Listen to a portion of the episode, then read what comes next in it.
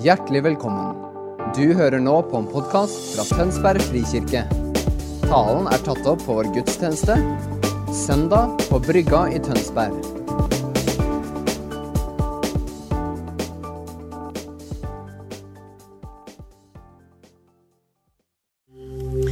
Takk at du er her med ditt nærvær. Og du har sagt det er to eller tre samlet i mitt navn. Der er jeg midt iblant dere. Takk, Jesus, at du er her med ditt nærvær. Og du berører oss, og du ser oss akkurat der vi er, og det vi står i. Jeg takker deg for at vi kan få lov til å være trygge på at du går foran oss, og du er på våre, begge våre sider, og du går bak oss i alt det vi tar for oss.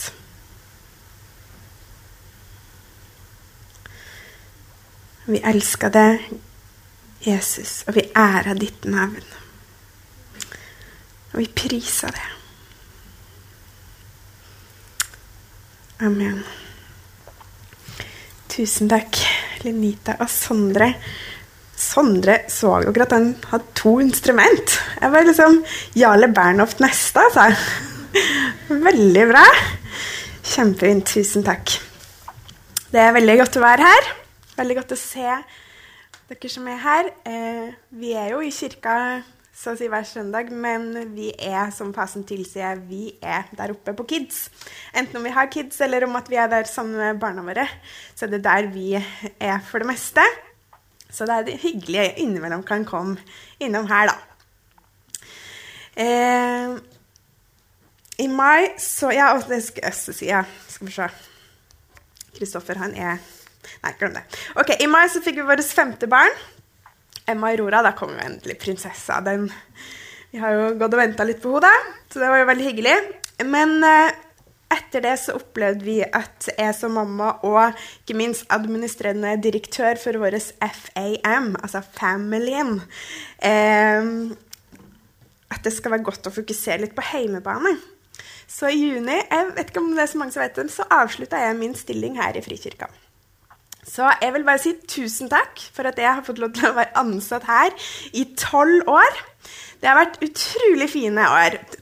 Formende, givende. Og jeg er veldig takknemlig for de årene. Så nå, nå er den tida forbi. En ny tid for en, en ny fase.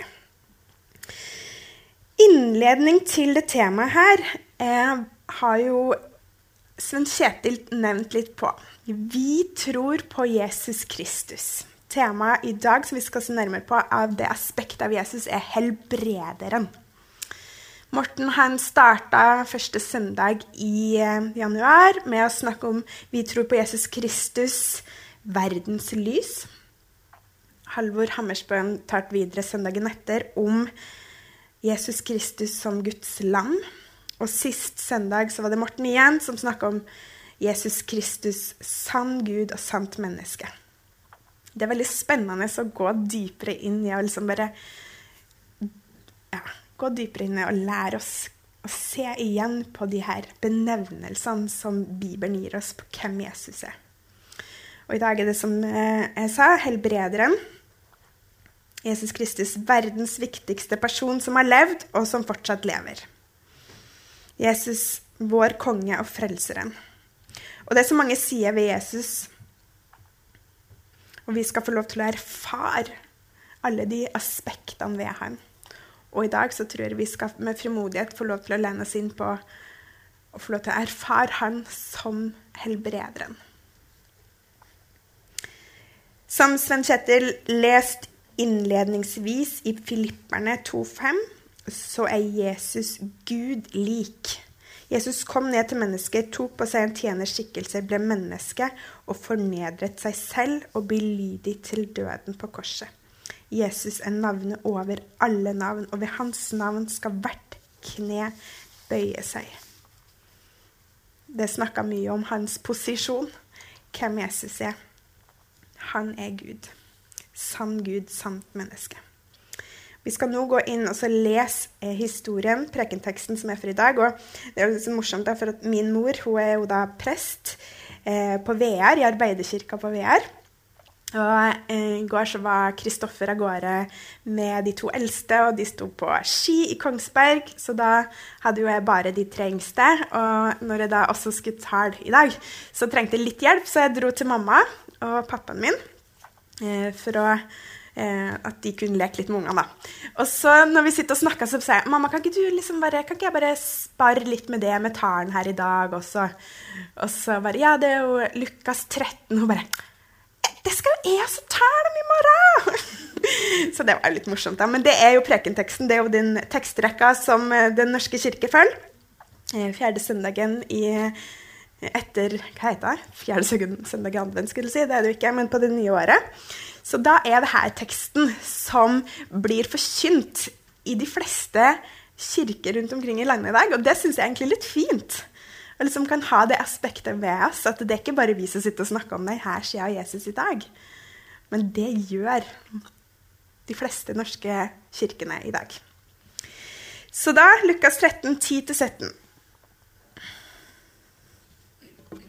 Skal vi se En sabbat jeg lese, jeg leser den som dere leser. Underviste han i en av synagogene. Der var det en kvinne som hadde vært plaget av en sykdomsånd i 18 år. Hun var helt krumbøyd og kunne ikke rette seg opp. Da Jesus fikk se henne, kalte han henne til seg og sa, 'Kvinne, du er løst fra sykdommen din.' Han la hendene på henne, og straks rettet hun seg opp og lovpriste Gud. Men synagogeforstanderen ble forarget fordi Jesus helbredet på sabbaten, og han sa til forsamlingen.: Det er seks dager til å arbeide på. Da kan dere komme og la dere helbrede, men ikke på sabbaten. Hyklere, svarte Herren. Løser ikke hver eneste en av dere oksen eller eselet fra båsen, også på sabbaten, og leier dem ut så de får drikke? Men her er en Abrahams datter, som Satan har holdt bundet i hele 18 år, skulle ikke hun bli løst fra denne lenken på en sabbat? Og da han sa dette, måtte de skamme seg, alle motstanderne hans. Men alle som var samlet, gledet seg over det underfulle han gjorde. Vi skal se en video. Og her blir det, Den er to minutter lang. Eh, det er filmatisert, den teksten her. Han mannen som snakka i bakgrunnen, han snakka på engelsk, men det er akkurat den teksten vi hørte nå, som han leser.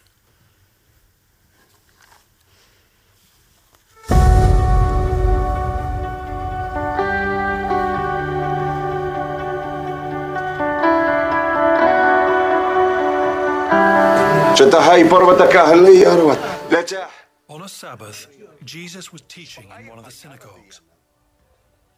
And a woman was there who had been crippled by a spirit for 18 years. She was bent over and could not straighten up at all. When Jesus saw her, he called her forward and said to her, Woman, you are set free from your infirmity.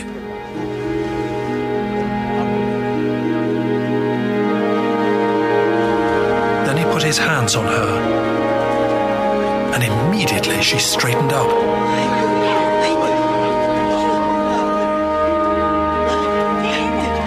and praised God.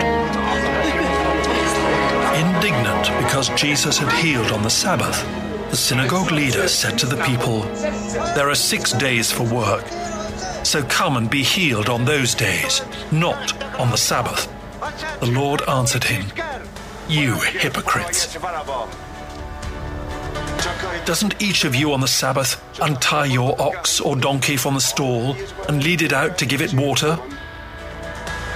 Then should not this woman, a daughter of Abraham, whom Satan has kept bound for 18 long years, be set free on the Sabbath day from what bound her?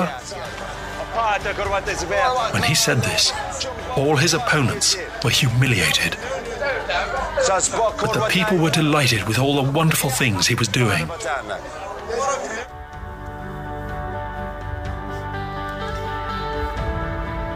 Jeg vet ikke med det, men når jeg får lov til å se det med mine øyne, så er det akkurat så den teksten blir enda mer levende. Og det er det første punktet som jeg skal snakke litt om og dra fram. Det er at Jesus ser. Det er ikke det at han er fascinert, det er ikke det at hun hoia og roper 'helbred meg'. Det er ikke det at, eh, at noen dytter henne fram, som noen av de andre historiene. Men her er det helt enkelt det at Jesus han står og underviser, og plutselig så ser han henne. Og det vekker en omsorg i han, en kjærlighet i han, som bare gjør det at han umiddelbart har lyst til å strekke seg ut til henne. Jeg bare syns det er så nydelig. Jesus ser denne kvinnen. Sven Kjetil sa det litt innledningsvis, men Gud ser det. Han ser deg. Akkurat der du er, så ser han det. Og han har omsorg og kjærlighet til å se det der du er i din situasjon. Han får henne fram foran hele forsamlinga. Tipper hun satt sammen med damene. Damene satt litt for seg sjøl, litt baki, mennene litt foran. Han tar henne fram foran hele forsamlinga. Så legger han hendene på henne. Og I den jødiske eh, kulturen så gjorde man ikke det på mennesker man ikke var i slekt med.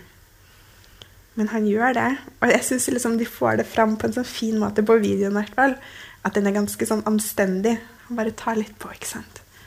Og så skjer det at hun blir helbreda. Og hun får bokstavelig talt en oppreisning. Og hun retter seg opp. Og tenk å ha gått der og hatt vondt vært krumbøyd i 18 år. 18 år er kjempelenge å gå i smerte. Og jeg tviler på at de hadde Paracet og Ibux. Og her retta hun seg opp. Og hun får fullstendig liksom bare den gleden i øynene, og det står at hun lovpriser Gud. Jesus sine ord løs kvinnen fri fra smerte, sykdom. Altså, Jesus helbreder, og det han gjør han, når han helbreder han, Hans ord er med på å sette henne og løse lenker, hvis man kan si det på den måten, som hun var bundet i. Og sette henne i frihet. Og hun blir fullstendig helbreda der og da.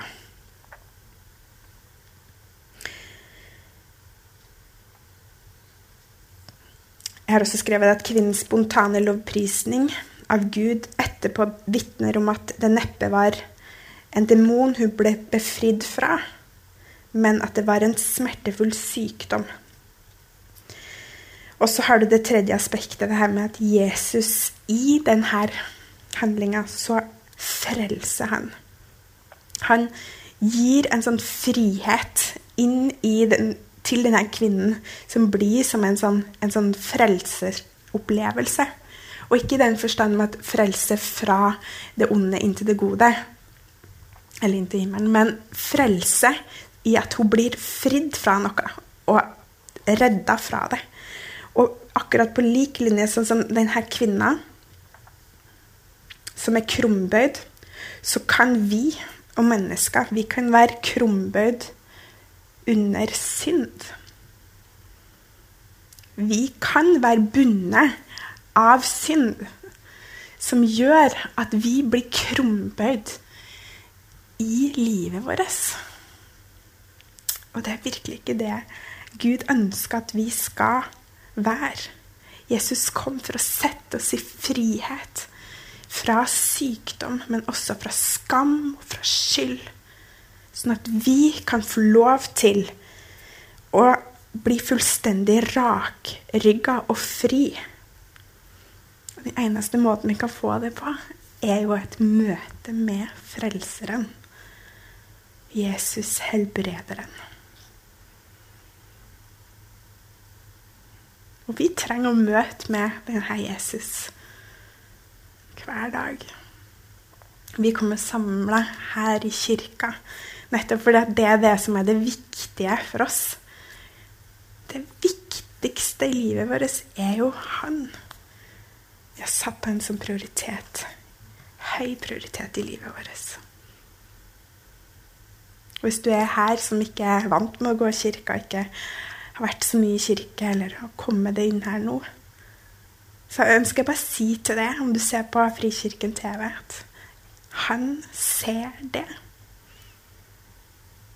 Han ønsker å være din helbreder. Og du kan få lov til å møte han. Ta en del av den frelsen som både er med å sette oss fri fra de lenkene, synd som kan binde oss, og holde oss nede, gjøre oss nedtrykt. Og vi kan få lov til å gå rakrygga ifra et sånt møte Jesus med full frimodighet på at han elsker oss. Han har det gode for oss. Han har et godt liv for oss. Vi kan få lov til å gå i hans ferdiglagte gjerninger. At vi kan være trygge på at han holder oss uansett hvilken storm vi måtte gå gjennom. Uansett åssen sykdom eller smerte vi møter på, så kan vi få lov til å være trygge i at han går med oss gjennom livet.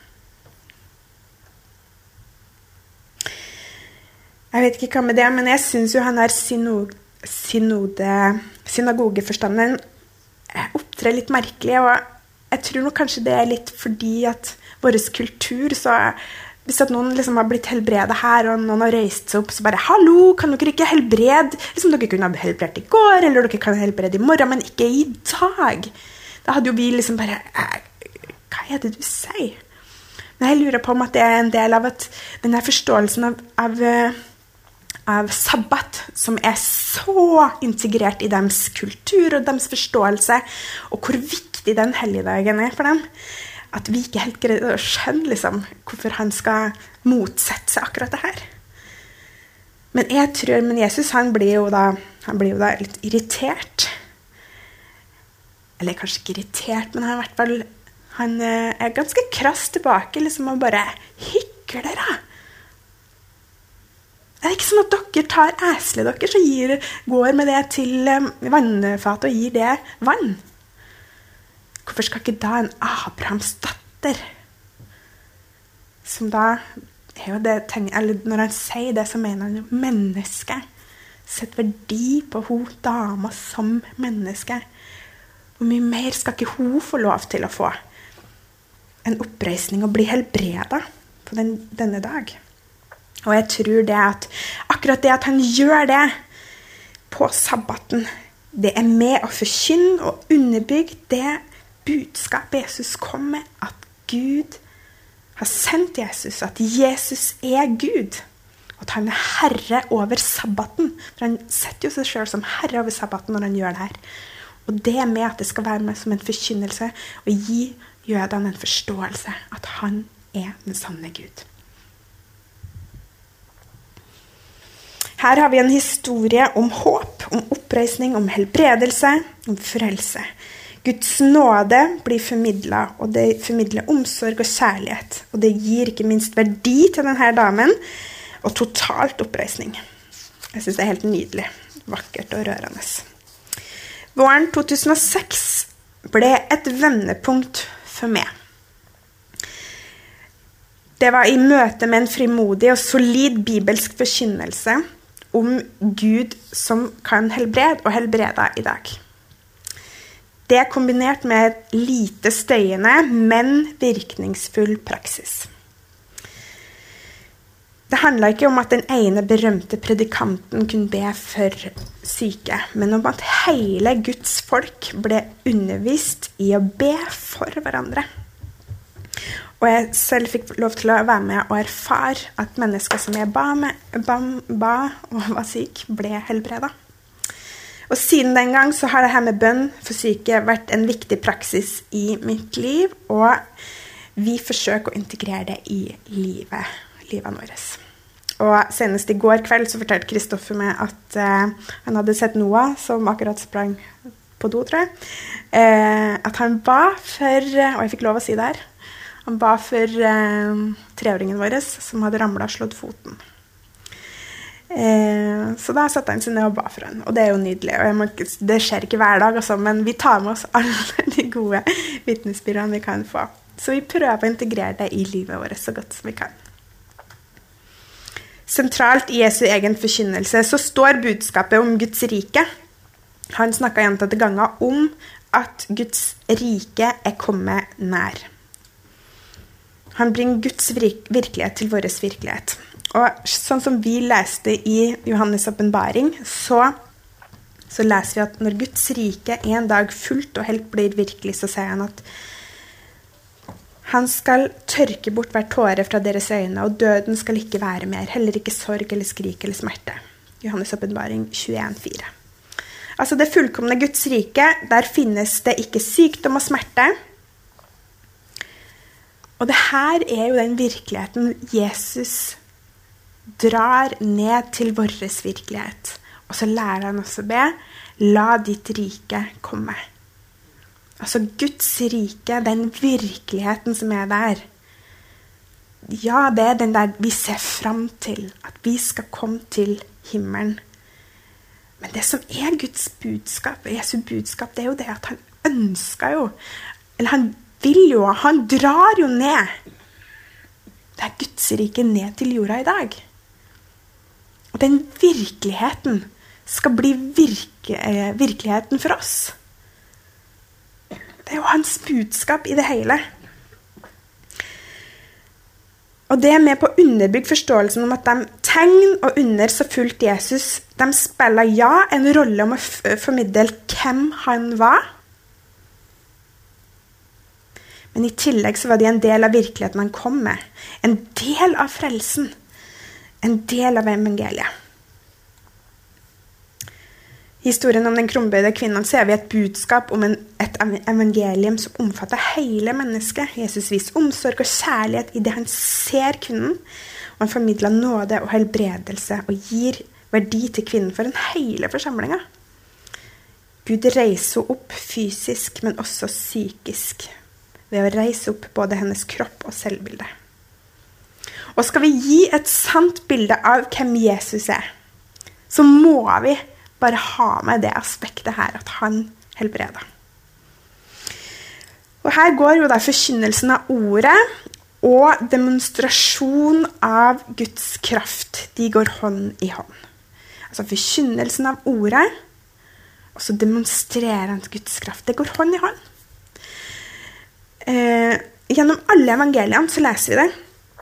Og dermed så blir det Jesus altså Det knytta Jesus sitt motivasjon for å helbrede til Guds rike komme og Guds kjærlighet til verden. Og så se, Hvis vi ser på alle evangeliene liksom, og prøver å finne ut hva er det Jesus sier når han sender ut disiplene og da, Hvis vi ser i Matteus og Lukas, begge i kapittel 10, der, der sier han helbred de syke og si at Guds rike er kommet nær. I Lukas og apostlenes gjerninger så forteller han at, være, at de skal være Jesu vitne men de skal vente litt eh, til eh, oppstart av oppdraget, for de skal bli utrusta med kraft fra det høye. Og Hvis vi leser Johannes, så er det litt mer generelt. og Der forteller Jesus som Faderen har sendt meg, sender jeg dere. Det leser vi i Johannes 2020. Men litt tidligere i Johannes 14 så ser han sannelig, sannelig, jeg sier dere, den som tror på meg, skal også gjøre de gjerninger jeg gjør. Ja, enda større gjerninger, for jeg går til Faderen.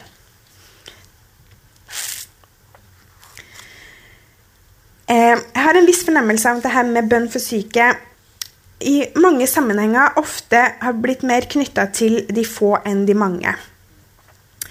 Eh, og man har visst om dem som man har kjent som ba for syke. Jeg husker veldig godt hvor stort det var når Svein Magne Pedersen kom opp til Brønnøysund og hadde store møter. Altså, det var stappfullt. Det var jo virkelig det. Eh, og Paulus skriver jo om nådegavene i 1. Korinterne kapittel 12. Så skriver han om alle nådegavene, og hvor viktig det er at kroppen må finne sin plass og være i funksjon for at kroppen skal være hel og fungere som den er tenkt. Og helbredelse er jo ramsa opp som en av nådegavene. Men samtidig ser vi at Jesus' utsending av disiplene er det å helbrede de syke. Der er det veldig sentralt. Han nevner jo det hver gang. Og sånn kan det jo tenkes at Bibelen gir oss grunn til å tro at, eh, at det finnes At det er noen som har en spesiell tjeneste å be for syke. Men det i seg sjøl legitimerer ikke tanken om at tegn og under bare er utvalgt, er for de få utvalgte. Jeg tror det både òg. Vi ser det. At jeg tenker at at det skal være sånn at Guds folk at for Guds folk så er det helt naturlig å be om Guds inngripen. Også for de som har spesielle, gaver på området. Jeg tror at en del av kirkens identitet er å bringe mennesker helbredelse til ånd, sjel og legeme. Den samme kraften som reiste Jesus opp fra de døde, den bor i oss i den dagen vi tok imot Han som vår frelser. Det er virkelig ikke småtteri. Og jeg tror, Vi har pratet om det mange ganger. Helge har talt om det. Nesten alle som jeg har talt, snakka jo om det her. Men jeg merka det bare i mitt eget liv. Hvor viktig det er at jeg bare kobler meg på den her Kobler meg på kilden. For jeg kan ikke bare, liksom bare, bare leve livet og forvente at noe skal skje. Men jeg må faktisk gjøre en innsats. Jeg koble meg på kilden. Koble meg på Han. Hvis dere blir i meg, og mine ord blir i dere, be om hva dere vil, og dere skal få det. Men samme kraften som reiste Jesus opp fra de døde, den bor i oss. Det er vanvittig. Men det er liksom det den påkoblinga, bevisstgjøringa, det at vi kommer sammen som et fellesskap og minner hverandre på det, det at du sitter her i dag, det er liksom bare er tegn på at du vil ha mer av Gud. Se mer av Gud i ditt rike, i din familie, i din by. At det er det vi vil. Og vi trenger å komme sammen på denne måten her. Og minne hverandre på det. Be for og med hverandre.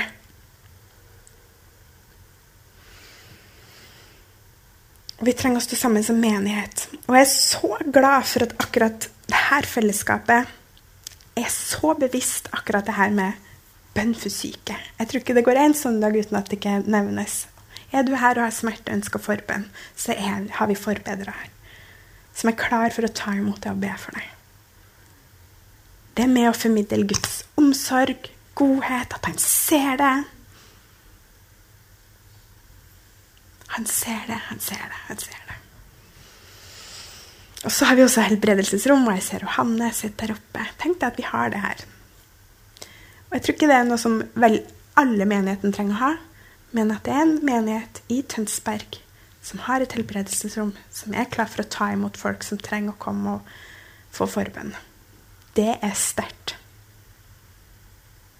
Det er sterkt.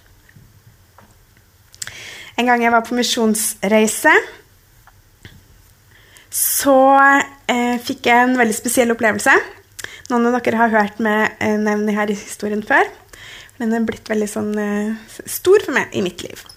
Men i hvert fall, vi hadde vært i Midtøsten eh, et par uker. Og vi hadde kjørt eh, skikkelig hardt på. Det var i hvert fall to til tre eh, møter, sånn kirkemøter om dagen. Vi delte oss litt, så det var ikke liksom det på hver dag på alle. Men i snitt så Ja.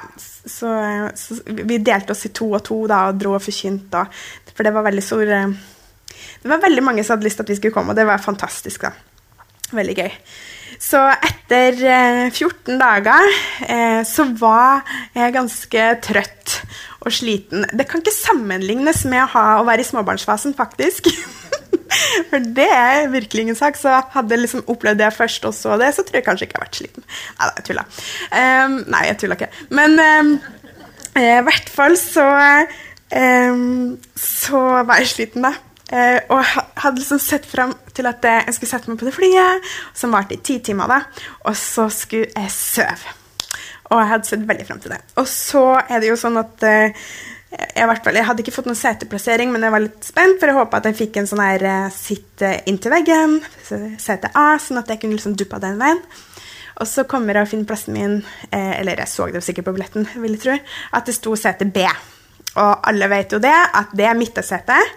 Det er det du ikke har lyst på. ikke sant? Og du har i hvert fall ikke lyst til å sitte på midten hvis du, du ikke kjenner de ved siden av deg. enn som har reist med fly og sitter i midten og liksom bare må, føler at du må sitte sånn hele turen og ti timer. Så jeg kjente liksom det rasa litt i meg. Nei, jeg får ikke den søvnen jeg vil ha. Eh, men eh, jeg gikk bort til setet mitt, og, eh, og så satte jeg meg der. Og var litt sånn furten. Litt sånn inni meg, da. Bare inni meg. Håper jeg, da. Eh, og så, eh, så eh, opplevde jeg at Gud sa til meg Snakk med den dama ved siden av deg. Hun som altså satt på setet A, da. Og så tenkte jeg nei, og så kjente jeg liksom inni meg bare Nei, Gud, vet du, nå, nå jeg er sliten, nå orker jeg ikke det. Så, eh, og så bare kjente hjertet begynte å banke, og så bare Så, så var liksom bare Jo, snakk med den dama. Og så var det liksom akkurat som hånda mi bare dunka borti henne før jeg liksom rakk å tenke. Og hun snur seg og hun bare 'hallo', og der var samtalen i gang. Og hei, og så begynte vi å prate, og så liksom, ja Jeg tror jeg greide å spørre hvor du skal hen, og vi satt jo på samme fly, så det var jo litt dumt spørsmål, men um, du skal dit, du òg, ja. Ehm, og så eh, spurte hun hva jeg gjorde. Og på det tidspunktet så gikk jeg jo på eh, en bibelskole i Redding, California, som heter eh, Bethel School of Supernatural Ministry School. Eh, supernatural, altså det er overnaturlig bibelskole. Og det er jo en heftig tittel. Så for de fleste, til, de fleste gangene så brukte jeg ikke si den tittelen. Jeg sa bare jeg går på en bibelskole. Men jeg kjente liksom frimodigheten eller det at jeg var trøtt, ingen filter, så bare sa jeg det. Jeg går på en Supernatural Ministry School. Og bare Oi, ok, hva lærer du der, da? Jo, og fortsatt uten filter, så bare Jo, der lærer vi å profitere og eh, be for syke eh, at de skal bli helbreda. Og hun bare OK. Ja, så eh, har du lyst til å praktisere litt på meg, da? Og jeg bare, da kjente jeg bare eh, Jeg tippa farga gikk ut av ansiktet mitt. Jeg bare, å nei. Eh, men OK. Så jeg bare OK. Jesus. Ja, jeg kan godt be for det. Og så la jeg, tror jeg la hånda mi på skulderen hennes, og så bare ba jeg kort. Og så kjente jeg at eh, det prikka i, i Nei, jeg kjente at eh, jeg bare spurte om du har du vondt i magen. Og hun bare Ja, åssen visste du det? Jeg opplevde at jeg fikk et kunnskapsord. Da. Så jeg bare gikk på det. Og så sa hun ja, åssen visste du det? Nei, jeg tror egentlig Gud ønsker å helbrede. Og så tok hun jeg, jeg tror jeg spurte kan jeg få be for deg. Eh, kan jeg legge hånda mi på magen din? Og så ja, ja. Så tok hun hånda mi, og så la hun den langt nedi magen hennes. Den er sånn fin og litt sånn myk og god. Og så Du vet når du bare finner deg sjøl i sånne rare situasjoner. OK, jeg syns bare ber om at du skal helbrede magen. Jeg tror ikke jeg sa så veldig mye mer enn det. Og hun bare Å, herlighet, det, det blir liksom bedre. Og så bare Du, jeg har vondt i ryggen. Og så- Eller så, nei, jeg tror det er så lenge siden. Men jeg tror det begynte å prikke i ryggen. Har du vondt i ryggen? Og ja, jeg har vondt i ryggen.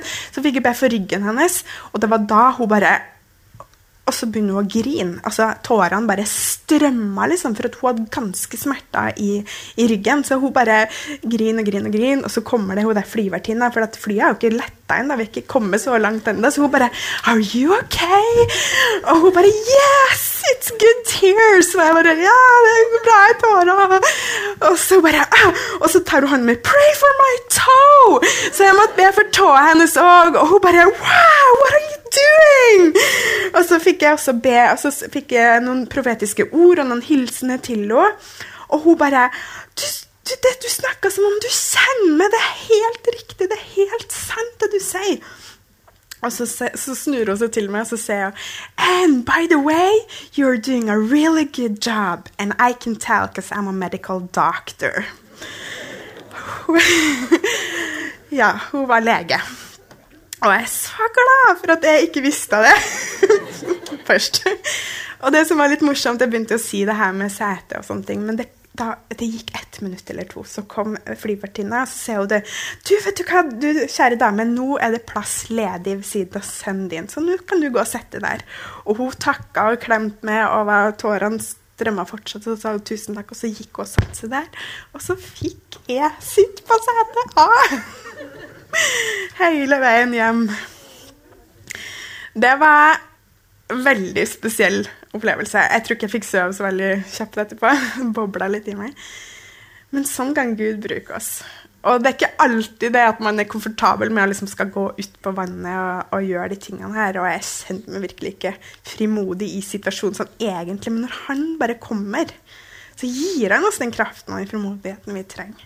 Det her er ikke hverdagshendelser for min mitt vedkommende. Jeg skulle gjerne ønska det, at jeg så enda mer av det. Og jeg har vært borti liksom og bedt for mange folk ute på gata. Jeg syns jo jeg må jo si det at jeg syns det, det, det, er skummelt å ta det steget og begynne å be. og Ofte så treffer man jo kanskje mer enn skulder eller en nei takk.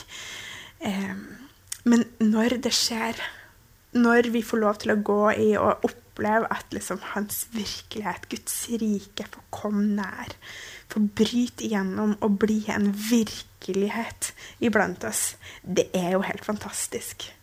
Og husker også så godt eh, tilbake, det må jo være 2009 eller sånt, når eh, min svigerfar, som hadde så mye smerte i ryggen han, eh, han kunne jo ikke sitte stille. Jeg vet ikke om dere husker det. dere som, eh, Han sto jo litt og trippa for at han hadde så mye vondt smerte i ryggen. Han hadde vært operert, og så, eh, så var det denne nerva som lå i klem.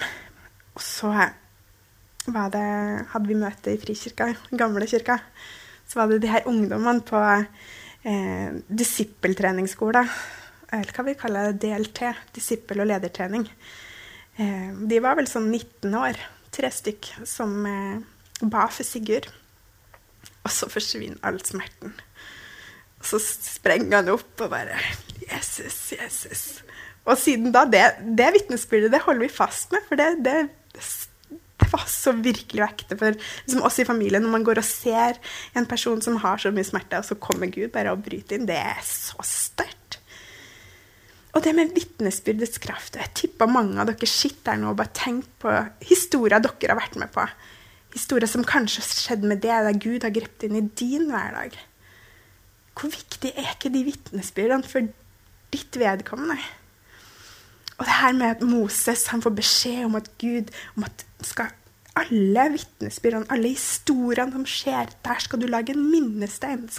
Der skal du eh, sett ned Er det ikke en stein som blir sånn minnestein? Sånn at hver gang dere kommer dit, de som var ute og vandra i 40 år i ørkenen, hver gang de kom dit, så skulle, skulle de her eh, fedrene fortelle til sine barn om det som har skjedd.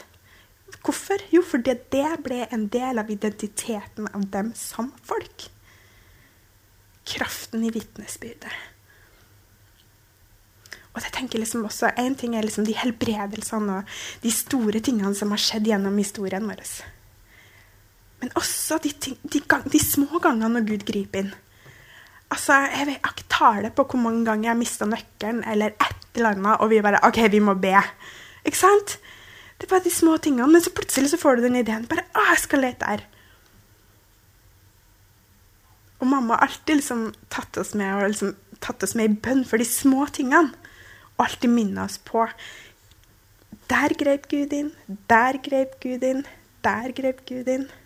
Så gjør det noe med oss. Det styrker troa vår. Så tror jeg det at vi som menighet vi må komme sammen og minne hverandre på vitnesbyrdene. Og så må vi hjelpe hverandre til å styrke frimodigheten til hverandre, til å gå ut i den kraften som Gud har kalt oss til. Og at vi utruster hverandre til nettopp det her.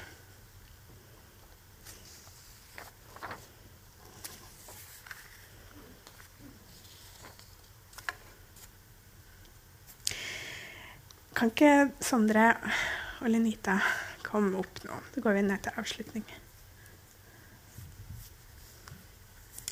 Jeg har bare lyst til at vi sånn avslutningsvis Nå er det litt sånn vi må sitte i, på plassen vår, vi kan ikke gå så langt. Eh, men jeg har lyst, lyst til at vi nå først skal bruke litt tid mens eh, Sondre bare spiller litt. På spør Gud. Bruk litt tid til å sitte og spørre Gud om det er noen i vår nærhet eller i din omgangskrets som har behov for en personlig eller en fysisk oppreisning. Skal vi bare bruke ett minutt på det, hvor du bare spør Gud om det er noen. Og hvis, de, hvis du blir minnet på noen, så bare bruker vi litt tid nå på å be for dem. Og så kan du spørre Gud helt konkret hvordan kan jeg være med og se den personen her?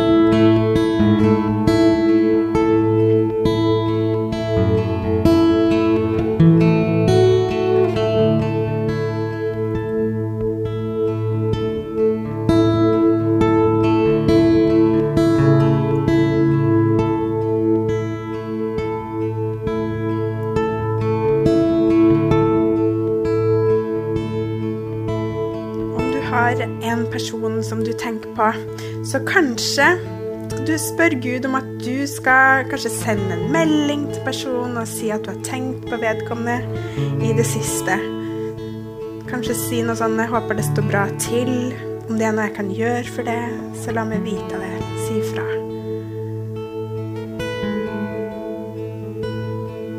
Det kan være en idé.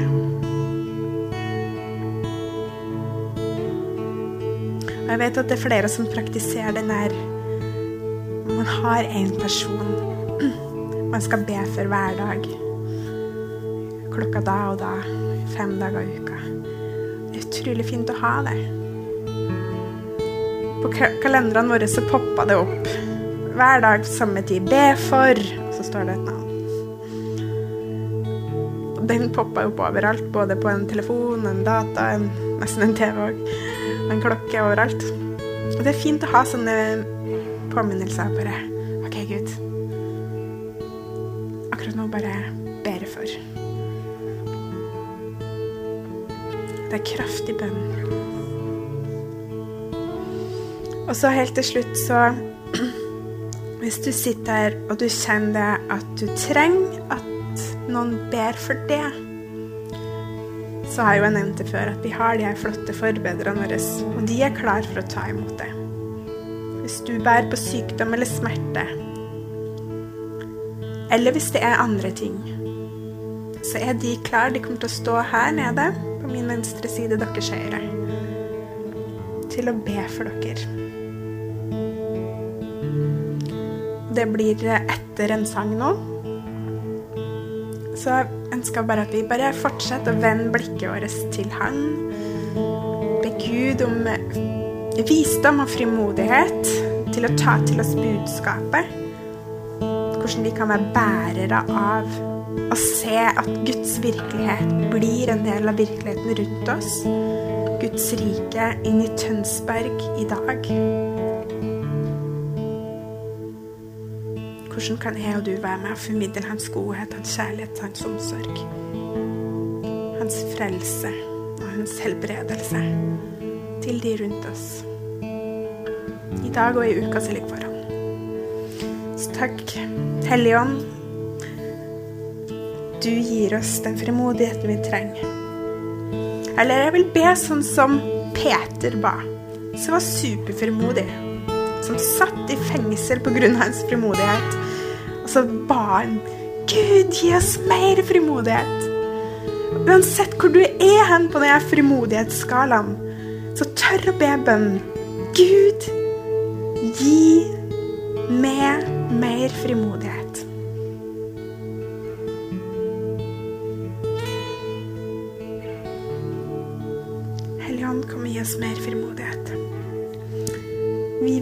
Ditt rike gå fram i byen vår. I Jesu navn. Amen.